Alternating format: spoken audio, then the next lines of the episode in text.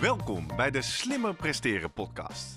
Jouw wekelijkse kop koffie met wetenschapsjournalist Jurgen van Tevelen en ik, middle-aged man in Lycra, Gerrit Heikoop. Over sport, onderzoek en innovatie. Voor mensen die hun grenzen willen verleggen, maar daarbij de grens tussen onzin en zinvol niet uit het oog willen verliezen. In deze aflevering praat ik met Jurgen over atletenbegeleiding op maat. Hoe kijkt Guido Vroemen naar zijn data? Meten is weten is het huidige credo in duursporten zoals het wielrennen. Alleen, wat zeggen die getallen allemaal en kan ik er blind op varen? Hoe zet je data optimaal in om beter te presteren? We vragen het aan onze special guest Guido Vroemen, eigenaar van het Sportmedisch Adviescentrum Midden-Nederland in Amersfoort, inspanningsfysioloog, maar vooral ook trainer en coach van succesvolle triatleten en wielrenners. Voordat we beginnen, nog even drie dingen om aan te denken als jij zelf ook slimmer wil presteren. Nummer 1. Druk nu gelijk even op abonneren, zodat je altijd direct in de gaten hebt wanneer er een nieuwe aflevering online komt. Nummer 2. Weet dat je Jurgen en mij ook kunt boeken voor jouw volgende bijeenkomst als spreker of presentator. Neem gerust eens contact met ons op via de contactgegevens hieronder. En 3. Deze podcast wordt geproduceerd en gesponsord door Live Online Events. Serieus goede content rondom jouw congres of event. Check www.loe.tv voor meer info. Ja, Jurgen, goedemorgen. We zijn uh, vandaag weer uh, met een gast erbij. Guido Vroemen, voordat we hem uh, zo gaan spreken, altijd even leuk om van jou te horen. Hoe ken jij Guido en nou, waarom is dat zo'n bijzondere ja, gast? Guido ken ik uiteindelijk al 30 jaar, als ik terugkijk. Wij hebben beide medische biologie gestudeerd. Hij zat een jaar onder mij en uh, ik ken hem wel van uh, het zaalvoetballen en de feestjes. En volgens mij, misschien hebben we wel een keer samen aan een triathlontje of de Nederlandse studentenkampioenschap meegedaan. Ja, ieder gaat zijn weegs. Ik ben natuurlijk de journalistiek ingedoken uiteindelijk. en Guido heeft een zeer ambitieuze loopbaan, denk ik, afgelegd. Van tijdens de medische biologie ging hij al geneeskunde doen sportarts geworden uh, en inmiddels dus ook uh, trainer-coach van een aantal uh, atleten, waarvan ik bijvoorbeeld Jetse Plat ja. een keertje heb mogen volgen bij het Sporter of Paralympische sporter van ja. het jaar vorig jaar hè, in Nederland. Ja, en ik ben natuurlijk, nou ja, als ik dingen echt wil weten over trainen, laatst dat stuk over gevarieerd trainen, hè, is het nou goed om als fietser ook te hardlopen? Dan bel ik Guido op. Wel ja. zo handig. En, ja, en het uh, leuke is, hij is ook uh, vanaf het begin van onze podcast ook regelmatig in onze Twitter-feed te vinden als sportarts. Mm -hmm. Dus uh, nou, laten we hem niet langer wachten. Hij, hij is bij Doe. ons. Goedemorgen Guido, wat fijn dat je bij ons bent. Goedemorgen. Ja, goedemorgen. Leuk. Onze special guest, wij, wij, bespreken in deze podcast natuurlijk wetenschappelijke studies kijken wat topsporters doen en dan vertalen dat naar de wereld van mij, onder andere mijzelf als amateur. Nou ben jij natuurlijk als geen andere betrokken bij die topsportwereld. Want je traint, uh, nou, zoals we al zeiden, Jets Plat, Anne Terpstra, Donald Hillebrecht. Um, hoeveel atleten heb jij op dit moment onder je hoede? Uh, op dit moment heb ik er uh, nou, 50 onder Zo. mijn hoede. Zo. En zijn dat allemaal topatleten? Nee, nee, nee. Ze zijn wel allemaal, um, ze zijn wel allemaal heel erg gedreven om het beste uit zichzelf te halen. En de ene heeft wat meer talent, waardoor hij in de topsport uh, um, uh, kan uh, functioneren. En de andere, die wil gewoon het beste uit zichzelf halen. En die is ook heel wedstrijd en ook nou, prestatiegericht bezig. Um, en dat is ook zeg maar, voor mij ook wel een voorwaarde om met iemand te gaan werken. Je moet prestatiegericht bezig zijn en het beste uit jezelf willen halen. Leuk. Want dan kun je dus uh, mammals, zoals uh, wij een beetje zijn. Middle-aged man in ja. Die heb jij ook bij jouw uh, groep, Guido? Ja, ja, als ze maar fanatiek zijn en, en, en alles willen doen om, om het beste uit zichzelf te halen, um, dan kan ik er wat mee. Maar zijn, betekent dit ook, want dat vroeg ik me af, hè? mensen komen bij jou, of ja, hoe komen ze eigenlijk bij jou terecht? Hoe is bijvoorbeeld uh, Jetsen bij jou ja. terechtgekomen? Hoe, hoe, weten mensen jou te vinden eigenlijk? Hoe werkt dat? Nou, Jetsen is eigenlijk al heel lang geleden. Toen zat ik nog met mijn sportmedisch adviescentrum in Amerongen, in, in de beginfase. Ik denk dat dat in 2000, oh, 2008 of zo, 2009 geweest is, dat hij bij mij daar binnenkwam. Mhm. En dat kwam met name toen omdat ik al nou ja, een van de weinigen was die heel veel bezig was met vermogenmeters. Dat was wel al een fascinatie waar ik al heel erg vroeg mee begon, met, met al die metertjes testen. Ja. En dat had hij wel eens gezien en gelezen. En, en hij wilde dat ook. Hij wilde gewoon de, uh, de beste worden. En hij zag van, ja, dat kan mij gaan helpen. En zo is hij eigenlijk bij mij daar binnengelopen. Met de vraag van, ja, kun je me, dat, kun je me gaan helpen met analyse van... ik wil met vermogenmeters gaan trainen en hoe kan ik dat het beste doen? Zo zijn we een beetje begonnen. En, Ja. en dat is later dan eigenlijk wel een, een succesverhaal, eh, hè? wel geworden kun je zeggen.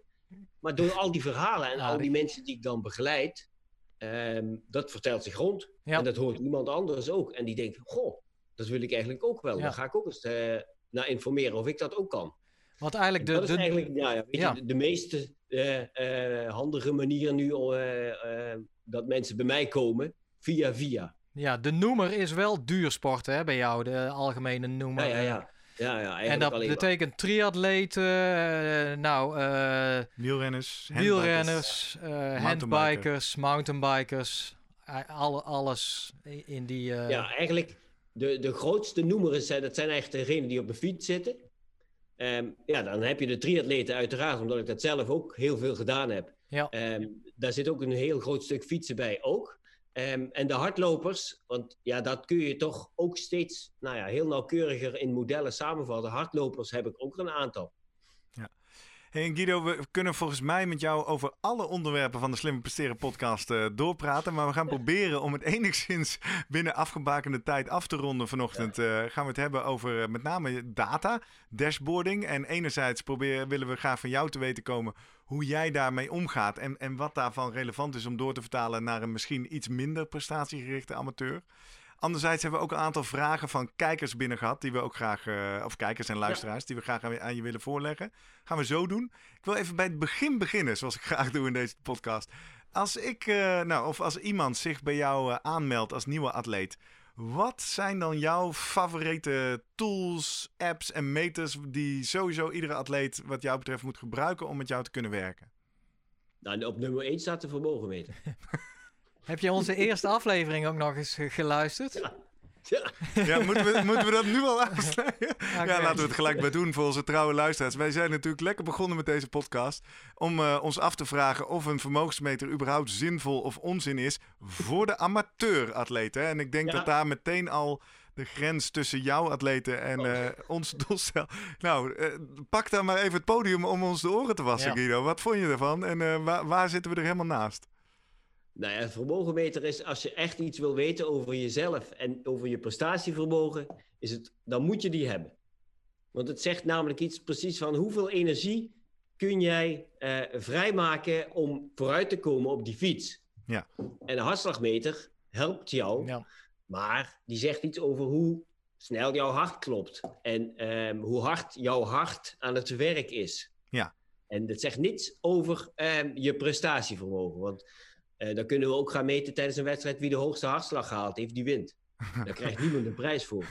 Nee, eens. Maar is het niet zo dat voor het trainen, als jij zegt, joh, je moet hoog Ja. intensief trainen, eh, is toch die hartslag het, het teken dat ik hoog of laag intensief train? En dat kan dan per dag verschillende wattage zijn, maar Ja, ja, deels. Je moet je voorstellen, ehm, als we het over eh, trainen hebben, dan heb je, om het simpel te zeggen, je hebt je aerobe systeem en je anaerobe systeem. Ja. Met zuurstof en zonder zuurstof.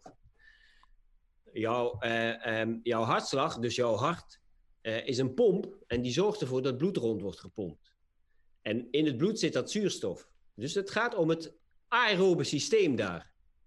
Dus hoe meer bloed er wordt rondgepompt, hoe meer zuurstof er naar die spieren gaat, hoe meer jouw aerobe systeem wordt ehm, gemeten. Ja. Je anaerobe systeem wordt daar niet bij gemeten.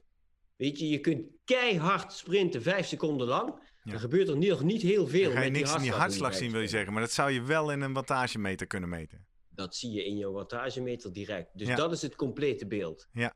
En jouw en- hartslagmeter zegt ei- eigenlijk als jij intervallen doet die vijf minuten duren of langer, dan kun je prima met een hartslagmeter monitoren. Ja. Hè, dan kom je best aardig Ja. heel dicht in de buurt altijd. ga je al kortere intervallen monitoren. En hoe korter ze worden, hoe minder betrouwbaar je dat kunt doen met hartslag. Mooi. Oké, dat is een mooie aanvulling op ons verhaal, denk ik. Ik, Ja, ik, wil, ja, eh, ja. ik wil even namelijk meteen naar een kijkersvraag, eh, Guido. Want een van de redenen waarom wij ook kritisch waren op die vermogensmeter... is natuurlijk eh, ver- verkeerde data, calibratie, eh, rommeligheid. En helemaal als je zo op zoek gaat naar die finesse in die omslagpunten... die soms op eh 5 watt liggen en vervolgens is je calibratiefout al 20 watt... dan ben je natuurlijk weg. En dat brengt me bij een vraag van... Even kijken, die kwam vanmorgen op de valreep nog binnen. Paul Berghegen, die schreef ons... ehm, ik wil graag van Guido eens weten hoe die verschillen in wattage mogelijk zijn als je die ziet op Strava. De een fietst onder dezelfde weersomstandigheden en route in zijn eentje ongeveer 180 watt, 32 km per uur weg, terwijl de ander 235 watt em, em, meet. Welke parameters maken je dan het verschil? Ja, Ja, die weet ik ook wel, denk ik. Ik Nou, je bedoel, mag eh, die, die, moet maar eens een, een boek gaan lezen. Nee, Ja, nee maar dat, is- brengt natuurlijk bij... eh, ik, ik, toen zocht ik jou ook op, hè, ik, omdat ik bij de eerste training van eh Dion Beukenboom was geweest voor mijn boek. En daarachter kwam... Nou, Ja, want Guido, ik weet niet of je het weet, maar eh, ik heb een boek heeft geschreven. geschreven. Het maakbare uur Ja. over de reis van Dion Beukenboom eh, naar het werelduurrecord. En zo stond ik ook van dat eh, zijn coach Jim van den Berg vertelde... Ja, kijk, ik heb berekend, Dion moet 455 watt gewoon een uur trappen. En dan, eh, dat stelt hem in staat om, om het record van Wiggins te verbreken. En toen, eh, toen ben ik er eigenlijk eens eh, ook bij Guido langs geweest, wat ingedoken en erachter gekomen ja, dat dat een hele belangrijke eh, ja, indicatie van je motor is. Maar die, dat die motor ook een bepaalde stroomlijn moet hebben. En ik denk dat daar al een, een, ja, een, een groot verschil zit. Hè? Dat absolute vermogen niet alles hoeft te zeggen, maar dat dat in combinatie natuurlijk is met, eh, ja, met, Weerstand. met, met je weerstand. En dat, dat kan dat deels verklaren. Aan de andere kant, ja, eh, ik vind het punt wat Gerrit zegt. Want dat merkte ik toen, bij Dion ook van, ja, het kan wel eens misgaan gewoon met die eiking. Het is best een, nog een, subtiel iets. Het moet altijd goed gaan en eh, dat mensen toch te, te blind af en toe willen vertrouwen op, eh, op dat vermogen. En dan niet nadenken van, oh, het zou misschien wel eens aan iets anders kunnen liggen. Hoe, eh, heb jij er een, een- een standaard formule voor of een standaard eh, procedure? Ja, nou ja, weet je, als je, als je met vermogenmeters werkt, hè, iedere atleet die, die, eh, die dat bij mij gaat doen, die zeg ik ook altijd, voordat je, hè, voordat je aan de training begint, dan heb je de zero-calibratie, wat je moet doorvoeren, altijd. En, en simpel training, gezegd zeg is dat als er geen kracht op de pedalen wordt gezet, dan staat hij op nul. Eh, Dat is niet dat dat getal dan nul is, maar dat geeft een bepaald getal aan. En dat is hetzelfde als dat je op een, een analoge weegschaal gaat staan. Voordat je daarop gaat staan, ga je eerst even kijken of dat metertje of die op de nul staat. Als die niet op de nul staat, dan draai je aan dat schijfje en dan zet je die op nul. Want dan denk je, ja, anders eh, klopt er niks van. Nou ja, dat is een beetje vergelijkbaar hetzelfde wat je dan met je powermeter ook doet. En dat moet altijd binnen een bepaalde marge zitten vanuit de, eh, vanuit de fabrikant meegegeven. En anders werkt die gewoon te veel af en dan kun je hem niet vertrouwen. Ja. Nou, dat zit meestal daar, daarin. En dat heeft een beetje ook te maken met de temperatuur. Er zitten rekstrookjes in. En met hogere temperatuur rekt het meer dan met lagere temperatuur. Dus dat is een belangrijke. Ehm, en ehm, eh, wat dat Strava betreft, ehm, ja, daar wordt ook onderscheid gemaakt. Sommigen hebben helemaal geen vermogenmeter op hun fiets en toch komt er in Strava een vermogen uit. Ja, heb ik. Staat bij mij ook altijd een Nou, soort gemiddeld precies, trapvermogen. Hoe die ja. dat doet, dat weet ik niet. Maar Dat is leuk, maar er zit een beetje een formuletje achter. Ja. Maar daar klopt natuurlijk helemaal geen hout van. Nee. Oh. Want Strava weet op dat moment totaal niet of de wind Ja. hard waait of niet hard waait. Hè? Dat het meer, weerbericht wordt daar niet bijgehaald. En misschien weet hij wel hoe groot je zit, maar, of hoe groot je bent, maar je weet niet hoe je zit. Ja. Dus als jij heel klein en opgepakt zit in een tijdrithouding, dan heb jij minder luchtweerstand dan als je helemaal rechtop gaat zitten. Ja. Dus, Dus ja, dat is je, puur, die eh, die Strava ja. zegt, die kun je net zo goed, ja, dus het is leuk, aardig, maar Precies. daar hebben we niks aan. Maar als je nou die, eh, eh, want er zitten wel verschillen tussen eh, vermogensmeters, hè, qua, eh, tussen de merken volgens mij. Een beetje. Maar eigenlijk, ik heb heel veel mensen natuurlijk met heel veel verschillende merken. Eh, dan krijg je Quark en dan heb je PowerTap en Ja. Garmin en Pioneer en Asioma. En eigenlijk vind ik ze tegenwoordig gewoon allemaal betrouwbaar. Ja, maar er was een tijd lang eh, dat dat... Ja, want ik weet nog... Ja, bijvoorbeeld bij prestaties van de toppers, hè, met, met Froome destijds. En die gaf dan eens een keer zijn vermogen door. En nou, dat, dat geloofde men niet. Maar dat had misschien juist met zijn ovale tandwiel te Ja, maken. ja, dat heeft en, het zeker. En, en daar... Oh ja, dat vind ik leuk om even te weten. Heeft het zeker, zeg jij Guido? Wat, eh, want voor de iets minder fietsbegunstigden, de, de, de- Ja. de- de rijden nu mensen met ovale tandwielen, Ja. wat de druk anders zou verdelen. Hè? En dan zou je beter kracht kunnen zetten rond. Ja, Wat is kijk, de- wat een ovaal. Als ik het, je- als ik het kort uitleg, een ovale tandwiel.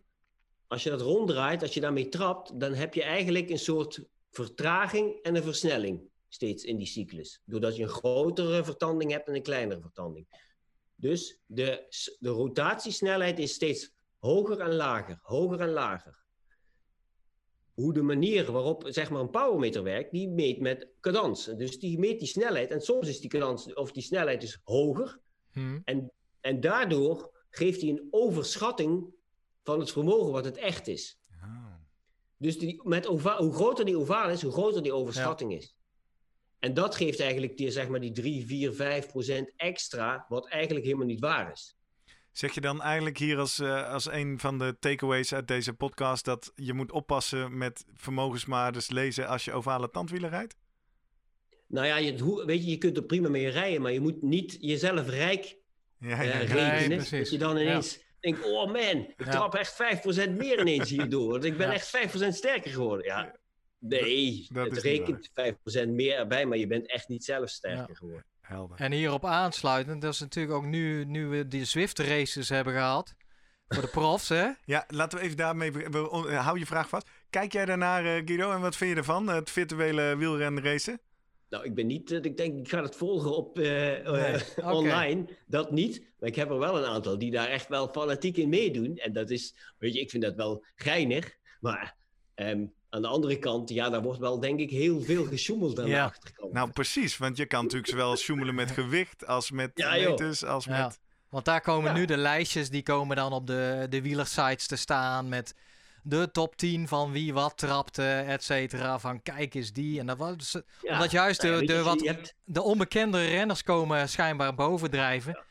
Maar ik denk dat jij, eh, wat jij goed inderdaad aanstipt, het, eh, vooral het gesjoemel met de, de kilogrammen, hè, daar, daar kan je aardig mee. eh, ja. ja. Maar weet je, als je vermogenmeter erop hebt, eh, ehm, je hebt ook eenzijdige vermogenmeters. Hè, die, daar ben ik dan niet zo fan van, hè, die alleen maar links meten.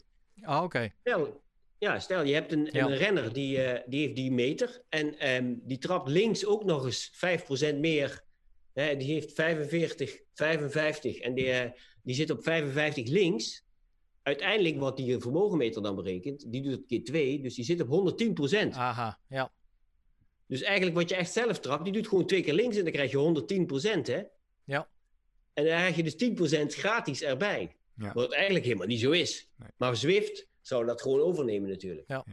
Maar je zou natuurlijk kunnen zeggen, en dan zijn we weer terug bij jouw belevingswereld. Op het moment dat ik bij jou kom trainen en ik heb een vermogensmeter, dan maakt die, stel dat soort fouten zitten erin, maakt niet uit zolang ik maar altijd dezelfde fout in mijn apparatuur Ja. hou, Ja, toch? dat is op zich, weet je, dan ben je zo'n, heb je gewoon zelf bij je, eh, je, je eigen, eigen vergelijking steeds. Ja. En als die dan heb je steeds zelf diezelfde fout. En als je zeg maar dan 1% beter wordt ten opzichte van jezelf, dan ben nog steeds beter. word je steeds Ja. beter. Ja. Alleen je moet wel opletten dat je dan. Want ik kijk ook wel naar de absolute waardes. Van als iemand dat vermogen trapt met, die, met dat gewicht. dan zou de zuurstofopname dit moeten zijn. Maar ja, als dat vermogen dan te hoog is. dan moet ik daar wel een beetje gaan ehm, eh, corrigeren voor. Ja, ja, ja. Oké, want dat was de volgende vraag van Paul. Die vroeg zich inderdaad Ja, oh, af wacht, van... pakken we er even bij hoor. eh, Eh, ja, hoe groter het lijf, eh, Ja. hoe groter het vermogen. Lees, ja, Dion Beukenboom met zijn eh, Ja, ja, ja. 90 kilo die 4,55 haalt. Maar dat is natuurlijk voor een... eh, Ja, Paul een- schrijft precies: gewicht lijkt me een zeer belangrijke parameter. Is er een uitspraak te doen over het kwantitatieve verband tussen wattage of watt en gewicht? En hoeveel watt per kilo dan? En dan, dan wil ik hem eigenlijk nog één stap verder brengen, Guido. We vragen jou nu wat, wat zijn belangrijke data voor jou als trainer-coach? En je begon de vermogensmeter. Ja. Is dan de tweede parameter die je meteen iedere training van me wil weten, mijn gewicht op dat moment? Nee, op zich weet je dat gewicht. ben- kijk ik nooit zo heel erg eh, strikt of streng naar. Ehm, ik wil eigenlijk één keer in de week een gewicht weten van iemand. En het liefst dan op een vast, vast moment, hetzelfde moment steeds van die week. En dat je dan standaard dan een gewicht invult. Mhm. Dan zijn, blijven in ieder geval een beetje eh, de data up-to-date. Mhm. En ehm, vermogen, absoluut vermogen, is eigenlijk eh, eh, een hele belangrijke parameter als je wilt weten hoe hard iemand op het vlakke kan rijden. Dan ga je meer kijken naar ehm, eh, hoe hard iemand kan klimmen. Ja, dan moet je relatieve vermogen hebben, dus watt per kilogram. Ja. Dat, dan is dat het belangrijkste. Waarbij dan, die hebben we denk ik eerder al behandeld, die 6,4 watt per kilo gezien wordt als ultieme Ja. fysiologische grens. Als alles klopt van de energiesystemen, je super getraind bent. Ja. En, En, ehm, gemiddeld, hè, en- leerden we toen. 6,4 Ja, gemiddeld. voor in ieder geval. Ja, en s- voor langere eh, Voor Voor drie kwartier tot een ja. uur, hè? Ja, Ja, precies. Dan Want- ben je echt eh, wereldtop. Wat, wat, ik ben er toen wel, heb ik even bij jou gekeken. Hè? Dan zat je achter je computer en dan liet je even kort zien. Nou ja, ik kan van afstand, kan ik nou die en die atleet precies volgen van hoeveel die traint. Hier zijn data, et cetera. Zo zit jij er, want jij begeleidt heel veel atleten, moet je wel op afstand. Nou, Ja. in de, de COVID-periode was dat al helemaal essentieel, denk ik. Hoe, eh, hoe werkt dat dan? Dan krijg je dan elke dag gewoon eh, je, je, je, Ja, waar, waar trainingsschema? kijk jij naar, toch? ja, ja. je, Ja. je trainingsschema, daar hebben we het zo denk ik al over, maar puur. Einde van de dag komen de data binnen en dan? Nou, ook al eerder. En dan? De hele dag door, hoor. De hele dag door. En dan? Ja, de hele dag. Ik krijg, weet je, ik krijg steeds zeg maar eh, eh, trainingen die klaar zijn, die worden geüpload en dan krijg ik een berichtje via mijn mobiel van Training Peaks. Krijg ik dan die en die atleet heeft een training afgewerkt Mhm. en commentaar erbij gezet. Aha. Nou, dan kan ik altijd vlug even kijken van is er iets bijzonders geweest hè, Ja. waar ik nu iets mee moet. Is dat commentaar soms is dat eh, eh, essentieel? Wel? Eh, of als, als het goed is, dan gebeurt er niks bij. Of, vind je- of kijk je heel erg, dat, dat, want dat laat misschien wat doorschemeren over Ja. of iemand met veel plezier getraind heeft, of Ja. pijntjes. Of Ja, noem ja, ja, op. daar wordt zeg maar ook, er staat dan ook zeg maar bij een, een, een intensiteitsscore. Dus een gevoel van hoe zwaar vond je die training. Aha. En daar wil ik graag waar. De RPE, die, eh, die Ja. vang jij ook op? Die Ja, de- ervaren de, mate de, van de, de inspanning? perceived rate of exertion. Hè? Ja. Dus hoe zwaar vond je het voelen? Op een schaal Ja. van 1 tot 10. Ik gebruik zelf Of- ook Ja. Training Peaks. Of 6 tot Heel 20, goed. maar Ja. ja. Ja, Want dat eh, is nog even waarom. Kijk, ik ben het helemaal met je eens. Dit, die vermogensmeter voor de training. Super belangrijk. Maar puur voor eh, of wedstrijd of. En in mijn geval ging het dan van Teun van Erps een proefschrift over eh, het, het meten van de belasting eigenlijk. Van de trainingsbelasting van renners. Ja, dat hij erachter kwam van ja. De, de vermogensdata en dan daar de afgeleide van, of van de hartslag, die deden het eigenlijk net zo goed. Gaven net zoveel indicatie van eh, ja, vermoeidheid, zullen we maar zeggen, of, of belasting als die RPE. Eh, waardoor ik in die aflevering 1 een beetje kritisch was van, nou ja, ga ik op je gevoel af. Dus gebruik jij dus die RPE ook? En, en hoe belangrijk vind je die? Ja, ik gebruik die met name omdat ik wil weten als ik voor een atleet een bepaalde training maak, dan Mhm. heb ik een idee daarvan van, nou weet je, hier moet hij echt afzien. Dit is echt zwaar voor hem. Ja, En als diegene atleet dan die training gedaan heeft en die RPE-score zit op 5, dan Ja, denk ja. ik, oké, Was hè, niet dan hard wil ik genoeg. nog wel eens weten van, vond je het niet zwaar? Of Ja. hè, ging, het te- ging het makkelijk? Ja. En als ik dan denk, ja, ja, het ging wel echt makkelijk, was niet zo zwaar. Dan kan ik gaan denken van, nou ja, klopt er dan iets met de waardes? Of dus ben ik hem nu aan het onderschatten? Nou ja, weet je, als dat laatste zo is, dan denk ik, nou, dan gaan we volgende week of volgende keer deze training, komt er wel even wat bij. ja. En dan ga ik de knopjes wat aandraaien. En denk ik, nou weet je, dan gaan we iets meer doen. Want ehm, ik wil wel een zware training zien en ik wil je wel horen piepen. oké. In hoeverre, Guido, treedt daar dan weer wellicht een re- reverse psychologisch effect op? Dat ik denk, oeh, ook al voelt het als Ja, een ja. 5, ik zet maar even 7 neer, want anders moet het volgende week nog zwaarder. Dat is waar. Ja, maar dat gaan ze, dat, ja, op een gegeven moment heb je wel een goede band met iedereen. Ja. Ja. En dan gaan ze ook zeggen, ja, het was, eh, het was wel makkelijk, maar ja, nou, of ik heb een bepaalde waarde over hè, verbeterd. En dan komt er als commentaar, zetten ze erbij, oké, dus vanaf nu wordt het nog zwaarder. Ja. Hè? Ik weet niet of het verstandig is geweest dat ik dit nu erin zet. Maar ja, dan zeg ik, ja, nee, het klopt. Maar ja, weet je, um, je, doet, je wilt beter worden, dus ja, je zult toch moeten afzien. Uiteindelijk doe je het voor jezelf natuurlijk, ja. Exact, exact. En dan aan de hand van, uh, wat dan is de stap van, pas jij dan per week uh, iets aan? Uh, geef je elke ja. week een, een oké, okay. je bewerkt eigenlijk wekelijks je gaat me toch een paar stappen te snel, Jurgen. Ja. Ik was nog even bij ontrafelen. Waar kijkt hij nou naar? Hij begon ja, bij de vermogensmeter. Nee, maar dat is even tussendoor. Oh, je wilde even Nu mag jij weer. Ja, ja. Uh, want we hebben de vermogensmeter. Je zei ook, werk met, vooral met fietsers, ook met lopers. Werk jij ook met vermogensmeters uh, die je hardloopvermogen meten? Ja, ja, ook eigenlijk al vanaf het begin, toen Stride, uh, wat de bekende meter is, toen dat begon, ben ik eigenlijk al, al vanaf dat begin ben ik met Stride al in samenwerking geweest voor over de doorontwikkeling hè, van eerst de hartslagmeterband die niet zo goed, goed werkte en naar de doorontwikkeling naar de footpot. En daar ben ik in principe nu met die windmeting best tevreden over hoe dat werkt. En dat zijn ook gewoon reële waardes. Uh, je hebt ook. Um, want want kun je eens voor de, mensen die, die, die, de stride niet kennen, en ik heb er zelf ook geen ervaring mee, wat is de grote toegevoegde waarde van de data die dat apparaatje jou oplevert? Ja, ook dat zegt weer, het is niet zeg maar een directe meting zoals je met fietsen hebt. Dan meet je kracht, maar omwenteling en dan heb je energie. Ja. In de schoenen heb je dat, bij hardlopen kun je dat niet direct meten. Maar het is een soort um, berekening van, nou ja, als jij, hè, je geeft aan hoe groot je bent en hoe zwaar je bent. Dus dan gaat die voetpot gaat voor jou berekenen, als jij met een bepaalde snelheid en een versnelling gaat lopen, hoeveel energie dat kost om die massa in beweging te brengen. Dat is gewoon hè, natuurkunde. Mm -hmm. En uiteindelijk, en nu werkt dat best heel goed. Dus dan kan ik iets zeggen over hoeveel energie kan iemand uh, vrijmaken om zichzelf voor te bewegen in een bepaalde snelheid. Ja. En hoe meer energie jij kunt vrijmaken, hoe harder jij vooruit gaat. Ja.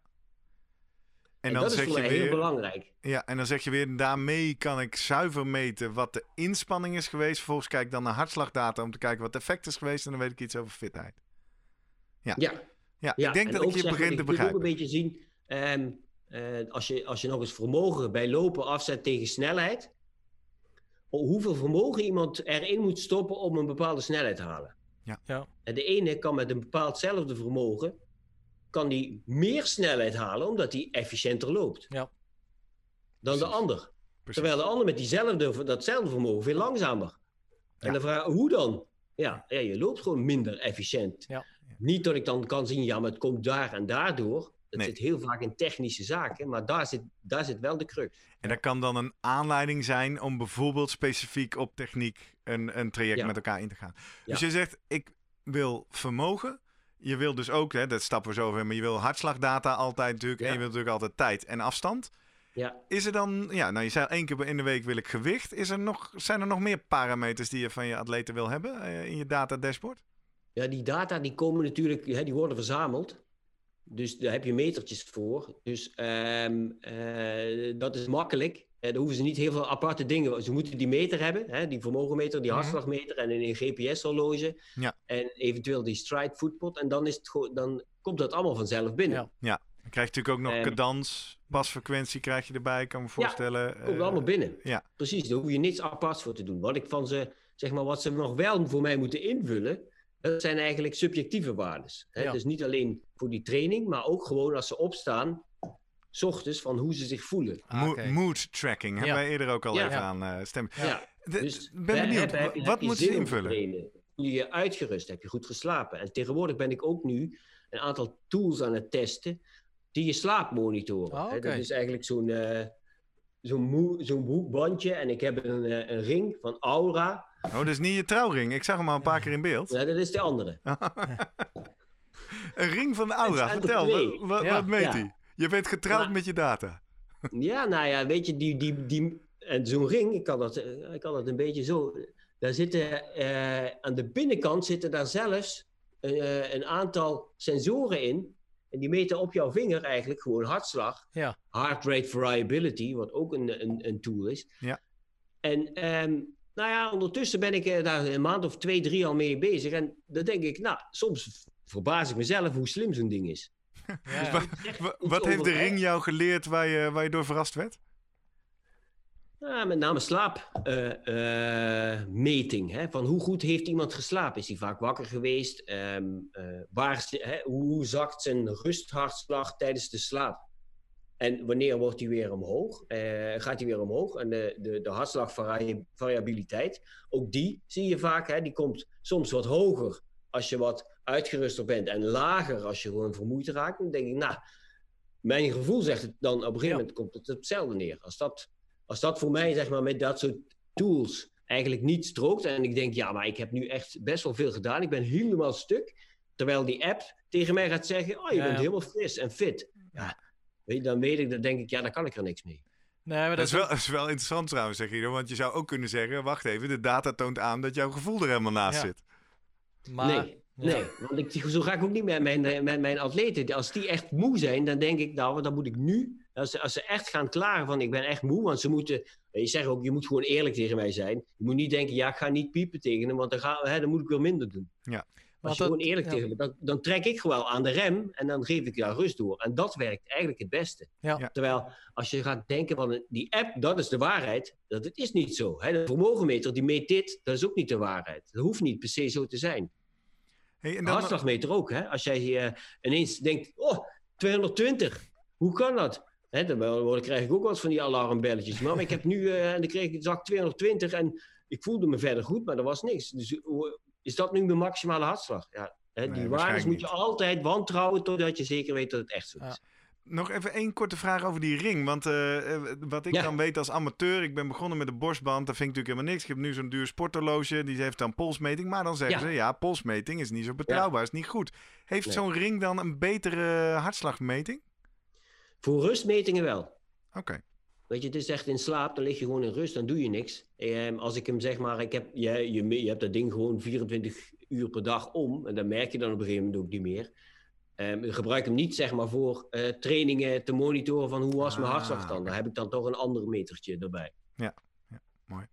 Nee, het doet me een beetje denken aan uh, onze aflevering 2 over herstel. Hè? Ja. En waar inderdaad die uh, aan de hand van het boek Good to Go toch ook dit soort, uh, nou ja, gadgets, zal ik het nog maar noemen, voorbij kwamen. Waar toch altijd bleek van ja, het blijft toch lastig. Je, blijft, je kan niet blind varen gewoon op, uh, op de data. Je moet daar uh, maar in combinatie met, met gevoel en gewoon kritisch kijken van klopt dit?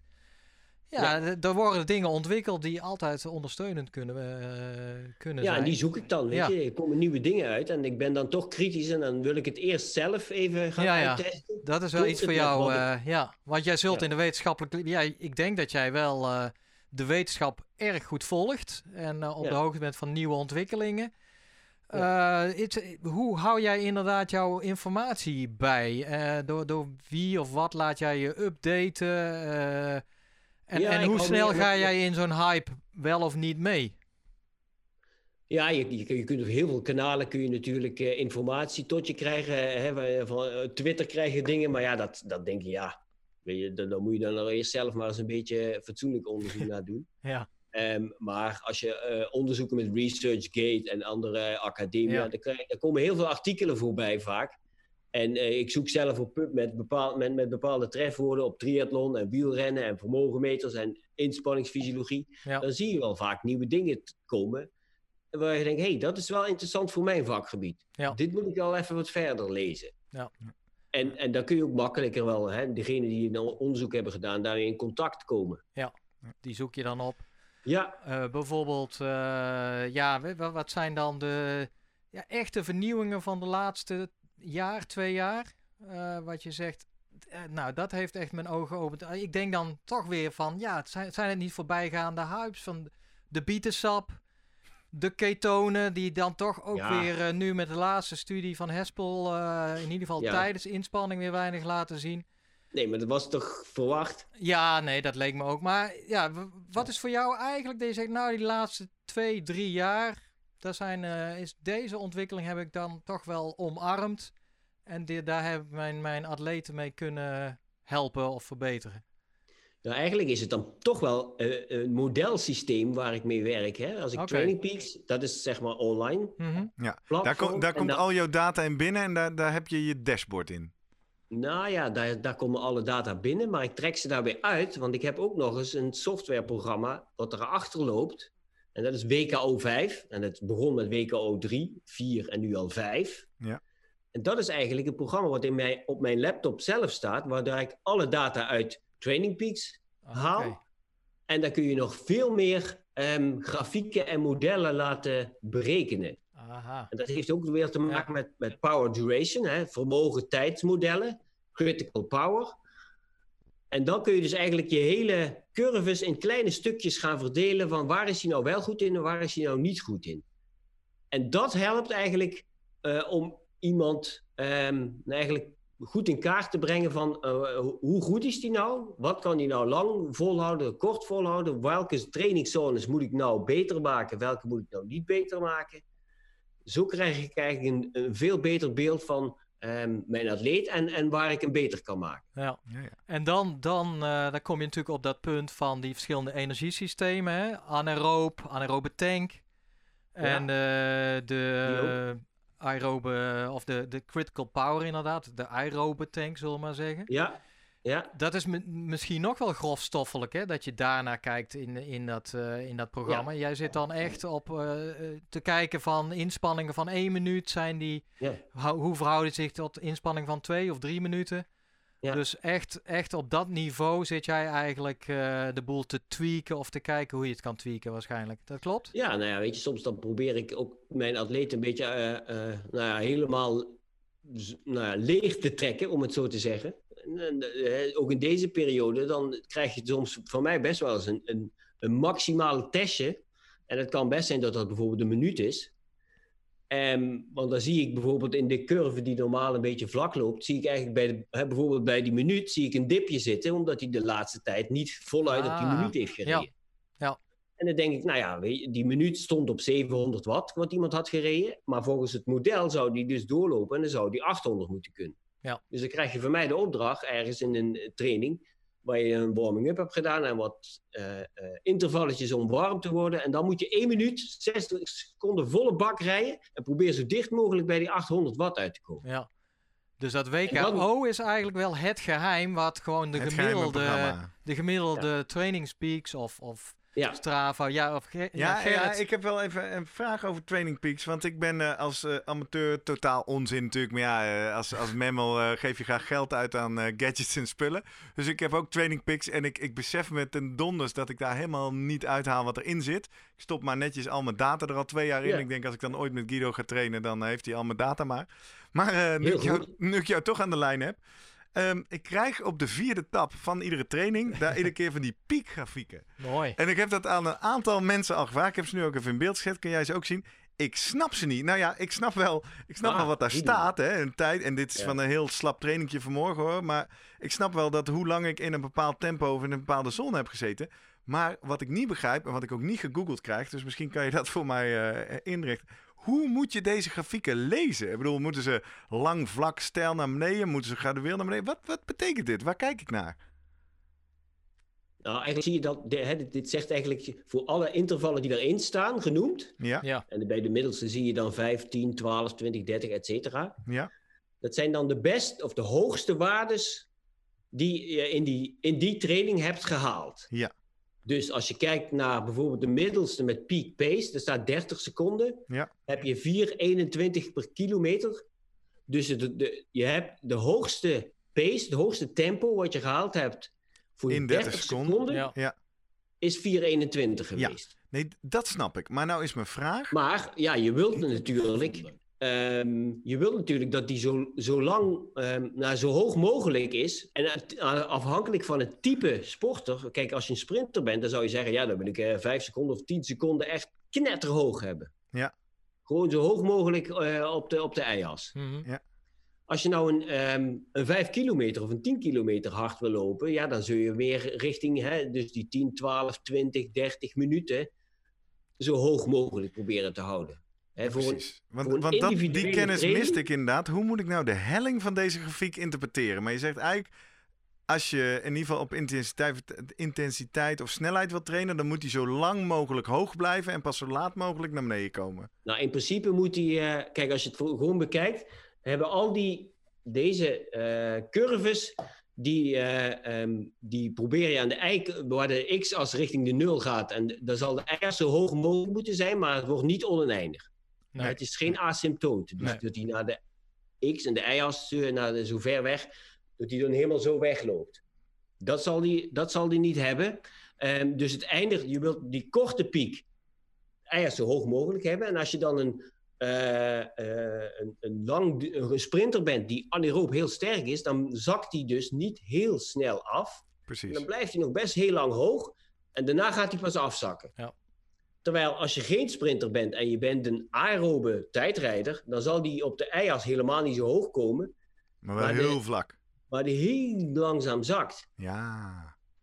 Dus het is per sporter heel afhankelijk hoe die vorm is. Ja, en je krijgt deze grafieken dan per training. Dus dan kun je iets zeggen over heb je goed intensief getraind of heb je juist nou, duur per, training maakt me deze, die pieken niet zo heel veel uit. Weet je, dat, die pieken, die piek ehm, grafieken, ja. die vind ik eigenlijk het belangrijkste als ik ze allemaal verzamel. Oké. Bij elkaar. Een soort training. dan kan ik eigenlijk alles op één hoop gooien. Want bij de ene training doe je bijvoorbeeld één minuut intervalletjes heel hard en de rest heel rustig. Ja. ja. Of je doet bijvoorbeeld uh, een 10 minuten blok heel hard en de alles. Dus dan zit je bij die 1 minuut helemaal niks. Nee, nee, nee. nee goed, dus goed, dat je, alles... ja, goed dat je dit noemt. Want dan brengt mij eigenlijk tot de vraag van interval versus uithoudingsvermogen of duur. Daar hebben we het natuurlijk ook een uitzending over gehad. Explosiviteit. Ja. Uh, sowieso. Hoe, en we hebben het gehad denk ik over gepolariseerd trainen. Hè? De uh, Zeiler met zijn 80-20. Is dat voor jou inderdaad dat uitgangspunt? Neem jij ook voor jouw uh, atleten? Het gepolariseerde model 80-20? Ja. Of is dat. Nou ja, op zich neem ik wel, hè, train ik wel heel gevarieerd. Mm -hmm. Dus het gaat, het is zo, er zitten heel harde en heel rustige trainingen in. Ja. Um, ik ben niet heel strikt dat ik denk ik moet op 80-20 gaan zitten. Nee, nee. Dat niet. Nee, dat niet. Maar is het wel van jou, want dat was wat Seiler du duidelijk maakte. Ja, die, die, die 80 training, de langzame training moet echt langzaam zijn. Daar hebben mensen natuurlijk, ja. recreanten hebben de neiging. Dan vinden ze iets van, ja, maar ik kan wel harder dan dit. Dus die hebben de neiging om een beetje grijs te gaan trainen. Omdat ze gewoon niet langzaam genoeg gaan, zeg maar. Ja. Dat, Op zich uh, hoeft het niet voor mij heel langzaam. Mm -hmm. Maar ik zeg er wel wat van. Kijk, als sommigen die, die gaan dan grijs trainen. Ja. Om het zo te zeggen. En dan zeg je, nou ja, dat hele langzame, dat gaat nog best pittig. Maar als dat hele intensieve niet meer intensief gaat, weet je, dan ben je dus, hè, dan, wordt, dan is het, is het allemaal een beetje lafjes. Ja. Het gaat net iets harder dan, dan je drempel. En het gaat net iets langzamer op het zachte stuk. Dan denk ik, ja, maar dan kun je dus geen onderscheid maken. Hè? Weet je, je moet wel echt hard kunnen gaan. En als je dat niet meer kunt, dus niet meer fris bent omdat je te moe bent, omdat je te Ja. hard gaat bij die rustige stukken, ja, dan krijg je voor mij wel over je heen. Ja, ja. Hoe ziet dat eruit als jij Ja. op afstand over mij heen komt, eh, Guido? Hoe, hoe, hoe, hoe, geef jij je atleten eh, via online tooling of de manier waarop jullie Nou ja, een dus schop onder als hun kont? En dan, beta- dan betalen ze jou voor dan. Hè? Om een schop ja, onder nou ja, als te je, krijgen. ja, dat vraag je dat ze af en toe want ik geef ze op een sodemieter natuurlijk. Ja. Dus iets, als ze iets niet goed hebben gedaan, maar ik, ik geef ze ook gewoon echt pluimpjes als ze het wel heel goed hebben gedaan. ja. Ja. Ehm, ehm, maar als ze intervalblokken hebben, waarvan ik denk, nou weet je, je moet die echt heel hard halen en je hebt een range waar je tussen moet blijven, dat moet je halen. En je doet in die pauzes meer dan wat ik eigenlijk zeg. Dat je denkt, Ah, nou weet je, daar Ja. Kun je gewoon rust nemen en daar is Ja. het niet belangrijk of je er 100 wat bij doet, want dat wil ik helemaal niet. Dus rust, ja. Ja, het is gewoon herstel voor die volgende, want daar moet je weer goed scoren. Ja.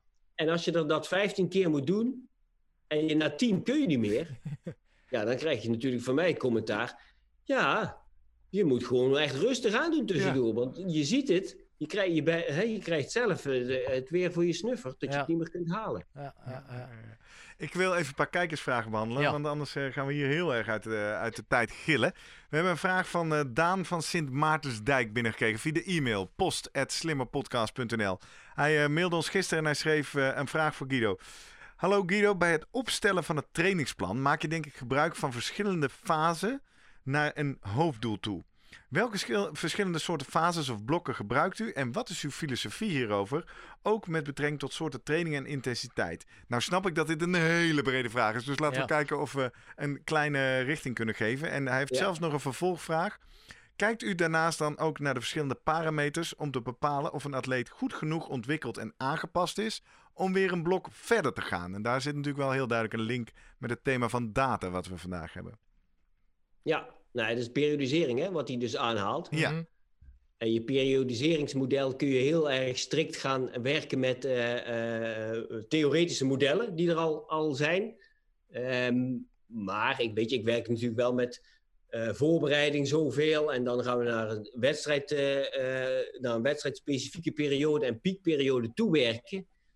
Maar het is niet zozeer dat ik. Dat, is, dat, dat staat een beetje op de achtergrond als, om, op mee, om op te refereren. Want zitten we op de goede weg nog steeds van wat ik gepland had? We zitten nu in. Hè, we beginnen in januari. En je moet in juli goed zijn dan heb je bijvoorbeeld januari, februari, maart ga je steeds iets meer van je, je, je grote basis ga je verbeteren. En dan moet je dat langzaam op gaan bouwen, dus zodat je in juli wel fris bent en sterk bent. Ja. ja. En of dat, weet je, het is niet precies dat ik vier weken dit ga doen, vier weken dat ga doen. Vier, um, ik, ik hou uiteraard de hele, globa uh, de hele ruwe uh, opzet in, in gedachten. En dat loopt achter de schermen eigenlijk allemaal mee. Ja. Maar ik werk niet met uh, vier weken voor algemene voorbereiding. We gaan nu volgende blok in vier weken specifieke voorbereiding. Ja, want dat is eigenlijk die tweede vraag van hem. Hè? Wat, wat zijn voor jou belangrijke parameters om te zien of iemand toe is aan het volgende blok? Of eigenlijk belangrijker, misschien nog niet toe ja. is aan een volgend blok? Hè? Ja, eigenlijk is dat ook een beetje in, inherent aan mijn werkmethode. Uh, dus dat ik ook elke dag en elke week gewoon eigenlijk werk. Elke week werk ik nieuwe schema's. Elke dag zie ik nieuwe trainingen. Um, dus ik kan ook echt heel snel bijsturen. Dus als iemand moe wordt, dan denk ik, ja, dan moet ik dus niet wachten tot aan het eind van de week. Maar dan moet ik nu een training of een rustige dag of een rustdag gewoon in plannen. Omdat hij meer rust nodig heeft. Ja. Um, heb je dat heb je, ben ik in een opbouwperiode van week 1, 2, 3 steeds iets meer gaan doen. En, week, en hij is nog steeds niet heel erg moe. En hij kan nog, weet je, kan die, die, die arbeid nog allemaal aan. Dan doe ik een week 4 ook nog erbij. Dan gaan we weer iets verder. En week 5 misschien ook wel. En als hij dan pas moe wordt, dan ga ik dan pas terug. Dus dan heb ik ook niet 3 op, 1 af. 3 op, 1 af. Dat laat ik echt helemaal afhangen van hoe het proces verloopt. En daarom zit ik er ook eigenlijk zo elke dag op. Bovenop. En, en hoe ver van tevoren, want in trainingspeak kun, je, kun, je, kun jij trainingen klaarzetten op een bepaalde dag. Dat kan ik al zien. Hoe ver van tevoren zie ik dat dan als, jou, als ik jou het leed ben? Of krijg ik echt uh, morgen vroeg pas binnen wat ik die dag moet gaan doen? Nou, eigenlijk werkt het dus, je krijgt een hele week. Hmm. En de week erop krijg je meestal pas dan, uh, um, nou ja, op vrijdag, zaterdag, zondag. Ja, ja ergens dan in die, in die periode zet ik, dan heb ik ze al voorbereid en dan staan ze nog niet zo zichtbaar voor de atleet. En dan kan ik nog laatste, uh, laatste veranderingen nog aanbrengen, mocht dat nodig zijn voor die week. En dan kan je, dan, dus voordat die week begint, dan heb jij je schema wel. Ja, voor, ja. voor al die 50 atleten die jij uh, begeleidt, Guido. Zo, en dat is natuurlijk.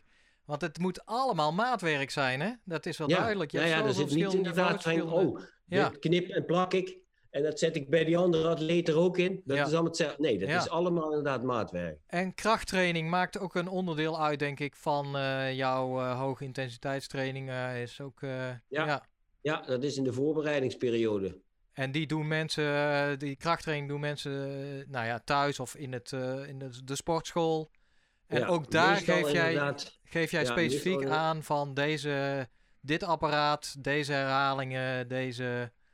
Ja, Oké. Ja, ik geef sommige mensen die hebben eigenlijk zelf al een krachttrainer bij hun in de buurt, in de sportschool. Dus daar krijgen ze dan uh, ook hun, hun schema van en dat ja. overleggen ze dan met mij. Um, wat ze dan wel en niet moeten doen. Okay. Um, de ja. intensiteit wordt eigenlijk door die krachttrainer bepaald en die, die zorgt er ook voor dat de techniek goed is. En op een gegeven moment dan denk ik dat we uh, voldoende uh, de kracht hebben opgebouwd. En dan laat ik het eigenlijk terugvloeien. En dan is het een soort onderhoudsschema wat ze zelf thuis bijhouden. Dat het niet meer interfereert met de gewone trainingen. Want als je in het seizoen zeg maar nog steeds zware krachttraining gaat doen, ja. waar je spierpijn aan overhoudt, dan um, beperk je jezelf zeg maar met je gewone trainingen. Ik heb nog een, uh, een kijkersvraag hebben we binnengekregen. Dat heb jij denk ik al gezien op Twitter, want je werd erin meegetagd, uh, Guido, van uh, Frank Heukels. Zelf ook ja. sportcoach en host van de, de collega-podcast 3, de Triathlon Podcast. Dankjewel Frank voor het insturen van je vraag. En hij vroeg zich af, heb jij een standaard protocol of proces om ja. nieuwe atleten aan het begin van de trainingscyclus op te nemen? Met andere woorden schrijft hij zelf: hoe zorg je ervoor dat alle data betrouwbaar is voordat je start en van alles uit gaat lezen en concluderen? Mhm. Ja. Ja, dat heb ik. Ehm, eigenlijk het En dat hou je lekker dat- voor jezelf, Frank. Ja, ja, ja, precies. Ik zou zeggen, meld je aan en je gaat het helemaal ondervinden. Nee. nee, weet je, het, ehm, het liefst heb ik dat iemand... Dat is ook weer het voordeel dat... Ja, ik ben ook sportarts en ik heb... eh, ehm, ik wil dus iemand prestatief en gezondheidstechnisch helemaal doorlichten. Aha. Dus ik wil weten hoe iemand in elkaar zit. En dan of die gezond is en of die gewoon goed belastbaar is. En daarnaast, wat is zijn huidige prestatievermogen? Dus je krijgt een complete check-up met bloedonderzoek, ECG, longfunctie ehm, en inspanningstest. Zodat ik weet, waar sta je nu? Oké. Want dan heb ik namelijk, precies vanaf dat moment, kan ik die trainingszones echt volgens, waarvan, eh, volgens mijn test gewoon goed zetten. En vanaf dat punt weet ik ook dat we goed bezig zijn. Ja. Als, ik nog, hè, als ik nog allemaal data van iemand krijg die die al heeft, stel... Hij, hè, Bijvoorbeeld jij ik, hè? Ik eh, heb al twee jaar data voor je liggen, hoor. Ik ben strak Ja, aan je hebt allemaal. Training Peaks account. Dan zeg ik, nou ja, dan stuur ik je een linkje op, dat je mij accepteert als coach. Dan kan ik daarin kijken. En dan kan ik die data, die kan ik ook weer eruit trekken en gaan bekijken. En WKO5 heeft een soort fix eh, eh, me- eh, model erin zitten. Zodat dat kun je dus nagaan, hey, hier zitten zulke spikes in. Dat klopt, dat kan nooit, hè? Als je dan de ene, de, eh, de ene 0 wat trapt en dan 1200 en dan weer 0, hè, dat, is- dat kan niet. Dan heb je gewoon een spike, dan zit er een mismeting in. Dus dan kun je al die foute data, dat kost wel even wat als je een hele hoop foute data erin hebt zitten, Ja. maar die kun je er allemaal uit gaan gooien. Dus dat is een heel werk en een proces om dat zeg maar, van tevoren allemaal goed te krijgen. Maar als je dat gedaan hebt, dan heb je wel echt een duidelijk beeld van wat iemand kan, wat zijn prestatievermogen op dat moment is, zijn zones heb je en of die, hè, hoe hij gezondheidstechnisch ervoor staat. Ja. En dan kun je vanuit dat punt kun je echt goed gaan bouwen. Ja. Herhaal je dan dat soort metingen nog wel eens? Na een jaar of zo? Om, eh, Ja, na een jaar. Oké. Maar in een jaar, eigenlijk doe ik standaard één keer per jaar een complete check-up met, Ja. van gezondheid en prestatie. Is, is dat genoeg? Ja, want ehm, als je vermogenmeter hebt, wat je dus moet hebben voor mij, hè, eh, en die hartslagmeter en die snelheidsmeter met lopen en eventueel nog het, het vermogenmeter met lopen. Als ik die data allemaal binnenkrijg, elke dag weer of na elke training weer, dan kan ik daaruit die voor- vooruitgang namelijk wel zien. Ja. Hè, ik zie dus dat sommige mensen dan stapjes gaan maken. Van ja, eerst kon je dus 10 minuten eh, eh, 320 watt. En we zijn nu ondertussen gestegen. Drie, eh, dan heb je weer 10 minuten en dan zit je op 330 watt. Ja, ja. En dat heb je met 1 minuut ook. En dat heb je met 15 minuten en 30 seconden, noem het maar op. Ja. Ja. Dus zo kun je die progressie heel goed volgen. Heb ik heb, jij- weet je, als- als een simpel gezegd, ik heb ook van Training Peaks krijg je heel veel buitenlanders ook. En die komen ook via de coaching, match service, komen die ook wel eens bij jou. En ik heb wel eens iemand uit Finland gehad, nooit gezien. En in vijf jaar tijd is hij echt gewoon elk jaar, ging die, hè, verbeterde die. Want hij ging zich dan laten testen in het Pavo Nurmi Ja. eh, eh, Performance Center, geloof ik daar. En ehm, hij werd elke keer weer op het fietsen en lopen, werd hij steeds beter.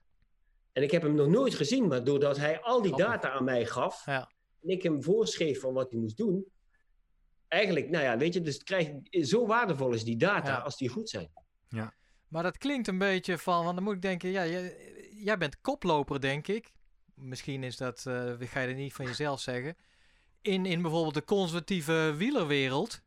Daar heeft Oh, ja, natuurlijk, eh, hebben we het eerder over gehad, lange tijd geduurd voordat men echt met vermogensmeters sowieso al ging werken. Ja. En waarschijnlijk ook in de interpretatie van data of het gebruik van dat kritische power model of noem maar Ja. op. Is dat inderdaad ook, ook jouw eigen ervaring? Merk je dat dat eigenlijk een, eh, ja, een stap is die nog veel coaches eh, nog niet durven maken of nog niet maken? Nou ja, niet durven, niet willen. Mhm. Soms is het ook niet kunnen, hè? Want het is, dat is vaak van, eh, ehm, als, je, als je die modellen, en dat, dat boem, open maar eens WKO 4 een abonnement en ga daar eens mee aan de slag. Ik zou in het begin, dat dacht ik ook van, Ja, wat is dit zeg, hier kom ik echt nooit doorheen. Ik snap er de ballen van. Ja, En op een gegeven moment, we- hè, weet je, dan, dan, dan leer je daar wel heel veel van. oké. Maar ehm, in de wielerwereld zie je toch heel veel trainers werken ook van ons kent ons. Hè? Weet je, oh ja, ik ken er nog wel iemand. Van die en die doet het, ja, die doet het al lang en zo. Ehm, en dat blijft eigenlijk steeds op dezelfde principes doorgaan. Ja. Hè? En daar wordt weinig ehm, een, monitoring gedaan. Hè, die hebben wel een vermogenmeter, maar niemand kijkt naar die data. Ja. Die doet er echt wel iets mee. Nou, om, om Nee, dit te valideren, Guido, kun je, en, en misschien kun of wil of mag je dat niet delen, maar toch even toetsen. Kan je nou uit je trajecten, met bijvoorbeeld, we noemden al Anne Terpstra of Jetse Plat of Donald Hillebrecht het, eh, desnoods, kan je een, een, een moment of een interventie aanwijzen waarvan je zegt, hey, die hebben we echt specifiek gedaan omdat we iets zagen in die data, wat je eh, een traditionele coach of trainer misschien wel niet, hè, misschien weten we niet, hypothetisch, Mhm. maar wat we niet zo snel gezien zouden hebben als we niet zo data-intensief bezig zouden zijn geweest. Ja, dat, dat is meer, dat is, dat he- is een heel traject ergens naartoe. Met Anne bijvoorbeeld. Vorig jaar eh super jaar gehad. Ehm, het begin van het jaar had ze, ze, hè, weet je, ze was goed. Maar als je, als je aan het begin van het jaar tegen haar had gezegd, je gaat een World Cup winnen. Mhm. Ja, dan dacht ze echt, dat, eh, dat kan ik helemaal niet. Hè? Dat kan ik helemaal niet. Nee. En ze zei ook altijd, nou, ik kan ook, op hoogte ben ik zo slecht. Nou, wat hebben we gedaan? We hebben dus ook met een heel traject voorbereid. Hoogtestage erbij, vier weken op hoogte gezeten. Steeds gemonitord met haar. Ze heeft de saturatie gemeten, hoe ze zich voelde. Constant hebben we, zijn we bezig geweest daar. En toen ze dat wat terugkwam, ehm, eh, was de tweede wedstrijd daar was op hoogte. Ah, En, en daar won ze. Ja, ja. En dat is echt wel iets geweest van, ja, eh, eigenlijk had ze drie weken daarvoor had ze een vijfde plek gehaald. Ja. En toen heb ik haar nog geappt. Nee, dat was natuurlijk supergoed, want dat was haar beste resultaat ooit. Ik zeg, als je een vijfde plek haalt, Anne, dan kun je dus ook winnen. ja. ja Ja, maar die- dat is dan eigenlijk weer dus een, een zeg soort later. mentaal geloof. Ja. ja. Ja, ja, ja. later kwam ze daar dus ook, in, na die wedstrijd, ha- hadden, appte ze met dat, diezelfde app weer terug naar mij. Ik had er nog aan gedacht. Ja, ja, ja, precies. Nou, dat is iets wat wij hier eh, in de podcast regelmatig ook tegenkomen. Want eh, ja, het is allemaal fysiek, maar ook heel erg in de Ja. kop natuurlijk. Ik Ja. wil eh, in het kader van de tijd, volgens mij moeten we ten eerste afspreken, Guido, als je het leuk vindt, dat we vaker met jou mogen bellen, want ik vind dit fantastisch. Ik wil toch om dit onderwerp van data af te ronden naar onze hoofdbelofte van deze podcast, namelijk wat is onzin en wat is zinvol voor een amateur, dat toch een beetje gaan afpellen. Want het is heel duidelijk, we hebben bij jou een fantastisch kijkje onder de motorkap mogen hebben voor iemand wat je zegt al, hè, zeer prestatiegerichte amateurs en Ja. een aantal zelfs topsporters. Maar dat zijn we natuurlijk niet allemaal. Dus stel nou eh, dat we om te beginnen niet met een coach op afstand werken zoals jij bent, maar gewoon zelf en eh, nou ja, misschien wel iets van doelen om, om jezelf te verbeteren hebben, iets van grenzen willen verleggen, maar niet zo fanatiek misschien als jij bent. Ja, Wat zijn dan de eerste slimme dingen die je met data zou aanbevelen? Wat is echt zinvol voor mensen die op een veel lager niveau acteren dan waar we nu met jou eigenlijk over gesproken hebben? Is dat nog steeds die vermogensmeter of begin je dan eigenlijk nou ja, weet je, die hoef je dan, die, hè, dan, dan, dan zeg ik ook wel, weet je, ja, maar dan hoef je dat ook niet voor mij aan te gaan schaffen. Nee. Ehm, ehm, Waar, begint het wel mee? Welke data is eigenlijk iets... eh, laat ik zo zeggen, ook voor mezelf, hè, wat is nou eh, met mijn Strava en mijn sporthorlogetje, wat is nou data waar ik echt even naar moet gaan kijken om te kijken of ik goed lekker aan het trainen ben? Nou ja, hartslagmeter zegt natuurlijk iets over eh, hoe je zelf in elkaar zit. Hè? Hoeveel, hè, hoe zwaar je het jezelf hebt gemaakt. Ja. Het zegt niks over hoe prestatief goed je bent, maar het zegt wel iets over hoe zwaar je het jezelf hebt gemaakt. Ja. Als, je, als je weet vanuit ehm, eh, eventueel een test die je gedaan hebt, wat jouw maximale hartslag is. Ja. En, je, en daar kun je dus al een gradering uit van, ja, ik zat nu op 80% of op 70 of op 90. Nou, dan weet je en denk je, ja, maar die 90% dat moet ik niet te vaak doen, want dat is wel heel erg zwaar. Dan heb ik meer herstel nodig. Ja. Doe ik 70% training, dan denk ik, nou, weet je, dit had ik ook nog wel een uur zo volgehouden. Dat is niet zo'n probleem. En dan, dan, dan er ook, heb je minder herstel nodig daarvan. Ja. Dus dat werkt eigenlijk, dat is eigenlijk al een hele simpele. En daarmee kun je dus, hè, je gebruikt het woord herstel, daarmee kan ik ook als amateur wat op gaan letten. Dat ik mezelf niet overtrain, overbelast, eh, dat ik voldoende rust pak, eh, variatie aanbreng. Ja. Ja, en je moet voor jezelf ook, hè, want, eh, die vragenlijst die ik aan at- atleten geef, die kunnen eh, hè, gewone recreanten ook wel bedenken. Hè? Dus als zij gaan, als ze ehm, eh, gaan trainen of opstaan en ze willen trainen en ze hebben echt van, boah. Geen zin. hè, ik ben zo moe, ik ben echt geen motivatie. Ehm, ja, dan kun je altijd wel zeggen, ja, maar ik voel dat heb ik wel heel vaak, dan doe ik niks meer. Ja. Ehm, precies. dan heb je wel je een moet mooie... er niet per se meteen naar luisteren, maar je moet wel Nee, nee, maar dan heb je nog wel een mooie vuistregel, Ja. die ik atleten ook wel, vaak, eh, wel meegeef. Soms hè, heb je de vermoeidheid die zit in je hoofd, maar niet in je, in, je, in je lijf of in je benen. Dus dan kun je, als je gaat lopen of fietsen, als je gaat fietsen, ga je fietsen. En als je na een half uur nog steeds hetzelfde zware, lome, moeie gevoel hebt, dan kun je omdraaien en ga je naar huis. Hè, Ja. ben je, binnen een uur ben je weer terug. Met lopen is dat 15 minuten. Ja. Want normaal, als je eenmaal bezig bent, dan denk je, oh, nou, eigenlijk gaat het nu wel weer. Ook herkenbaar. Ja, als je, Ja, hè, ook al heb je geen zin en je gaat en dan klaart die op. Ja, maar goed Als je jij de hele dag een hè, zware eh, baan hebt gehad en, en veel met je hoofd bezig bent geweest en noem het maar op, heel moe in je hoofd bent, dan kan het best zo zijn dat je s'avonds daarvan opknapt. En dan heb je niet dat je denkt, na een half uur, dat je denkt, ah, goh, nee, het schiet echt niet door, ik ben nog steeds moe in benen. Want Ja. dan is, zit die vermoeidheid wel ergens anders. Ja. Mooi. Dus je zegt eigenlijk enerzijds eh, als recreant amateur zeker eh, investeer wel in een hartslagmeter of een manier Ja. om je hartslag te meten om het effect en de variatie en herstel te bewaken. En anderzijds dus de, de subjectieve waarde van eh, hoe voel ik me. En eh, ja, mooi. Ja, Dus- en lopen kun je natuurlijk met je horloge, wat je Ja. hebt. Hè, daar hebben tegenwoordig zit er altijd een GPS op. Ja. En snelheid zegt bij lopen heel veel. Ja. Dus dat kun je ook gewoon heel goed bijhouden. Maar eigenlijk een, een logboek, daar ben je ook wel een voorstander van. Hè? Gewoon een logboek Ja, opschrijven ja, ja, van, je- eh, met bijvoorbeeld een RPE of die ervaren maat van inspanning, maar ook het, gewoon het gevoel toen je opstond. Ja. En dat je dan toch leert eigenlijk van hoe jij, eh, ja, hoe je, je, je gevoel Ja. langzaam op, op- beter op je gevoel af te gaan en eh, dat te gebruiken in jouw eh, trainingen. Oké. Ja, ja want je, eh, Training Peaks heb je ook gewoon een gratis basic account. En daar kun je wat minder grafiekjes zien. Mhm. Maar je kunt wel al jouw data erin stoppen. En je leert van jezelf. Want toen en toen deed ik dit. En ehm, toen heb ik drie dagen achter elkaar dit gedaan. En dan was ik echt helemaal kapot. Ja. Dus dat moet ik toch anders doen de volgende keer. Ja. Ja, dat herken ik wel. De eerste, het hele eerste jaar had ik eh Strava alleen nog maar op mijn telefoon. Had ik niet eens een sporthorloge, maar dan had ik die telefoon mee. En dan kon je dus ook alleen maar achteraf uitlezen. En inderdaad dan kalibreren met welk gevoel hoort bij welke Ja. data. Ja. En dan daar eh, gevoel bij ontwikkelen. Ja, Ja. leuk zeg. Hey Guido, ik kijk op de klok en volgens mij eh, moeten we langzaam maar eens naar een einde toe. Eh, maar wat mij betreft is dit een vertrekpunt van iets wat we vaker doen. Mag ik even toetsen? Hoe, hoe, hoe- hoe is dit voor jou om eh, te gast te zijn in de Slimmer Presteren podcast? Ja, weet je, ik vind het wel leuk om eh, zeg maar te, te vertellen over. Nou ja, dat is mijn passie ook, hè? Ja. Weet je, super. dit- Dat mijn passie we, was ja. eerst dat ik heel. Ik ben nog steeds heel erg fanatiek eh, sporter zelf. Niet meer met een nummer, zoals jij al die nummers daar hebt hangen. Die, eh, dat hoef ik allemaal niet meer. Maar ik doe nog wel heel veel. En ik vind het heel leuk om mensen daar nou, in mee te nemen. Omdat, hoe, dat, hè, hoe ik daar tegenaan kijk. Mooi. Nou, dat was een eh, opmaatvraag om te vragen. Guido, mogen we je nog eens uitnodigen? Ja, voor mij wel. Ja, leuk. Super. Heel erg dank voor al jouw eh, kennis en inzichten en eh, jouw tijd ook natuurlijk eh, vanmiddag hier vandaag.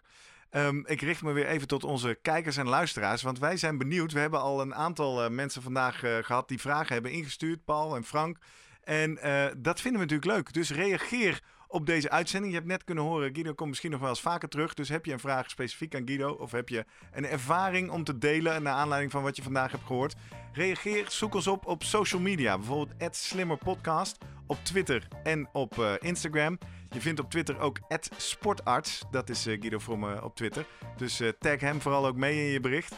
Of als je het leuk vindt, surf naar onze website www.slimmerpodcast.nl. Daar vind je een specifieke pagina van deze aflevering waar je onderaan ook kunt reageren en met andere luisteraars in gesprek. Vinden wij altijd leuk en we reageren altijd terug op jou. Of je kan ons een mail sturen, net zoals.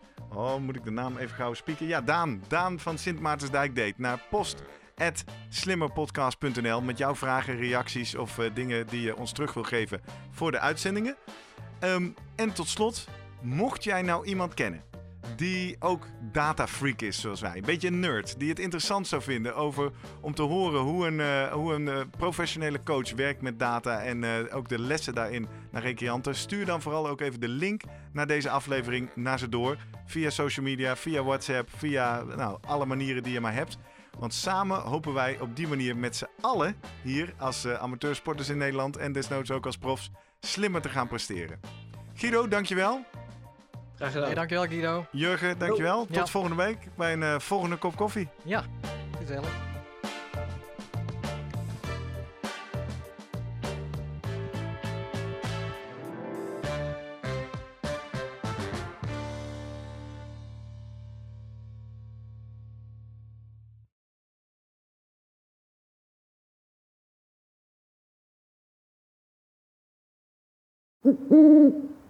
Hey, Voordat je weggaat, denk er nog even aan uilentorenloop.nl. Dan zien we je de eerste zaterdag van juni. Tot dan!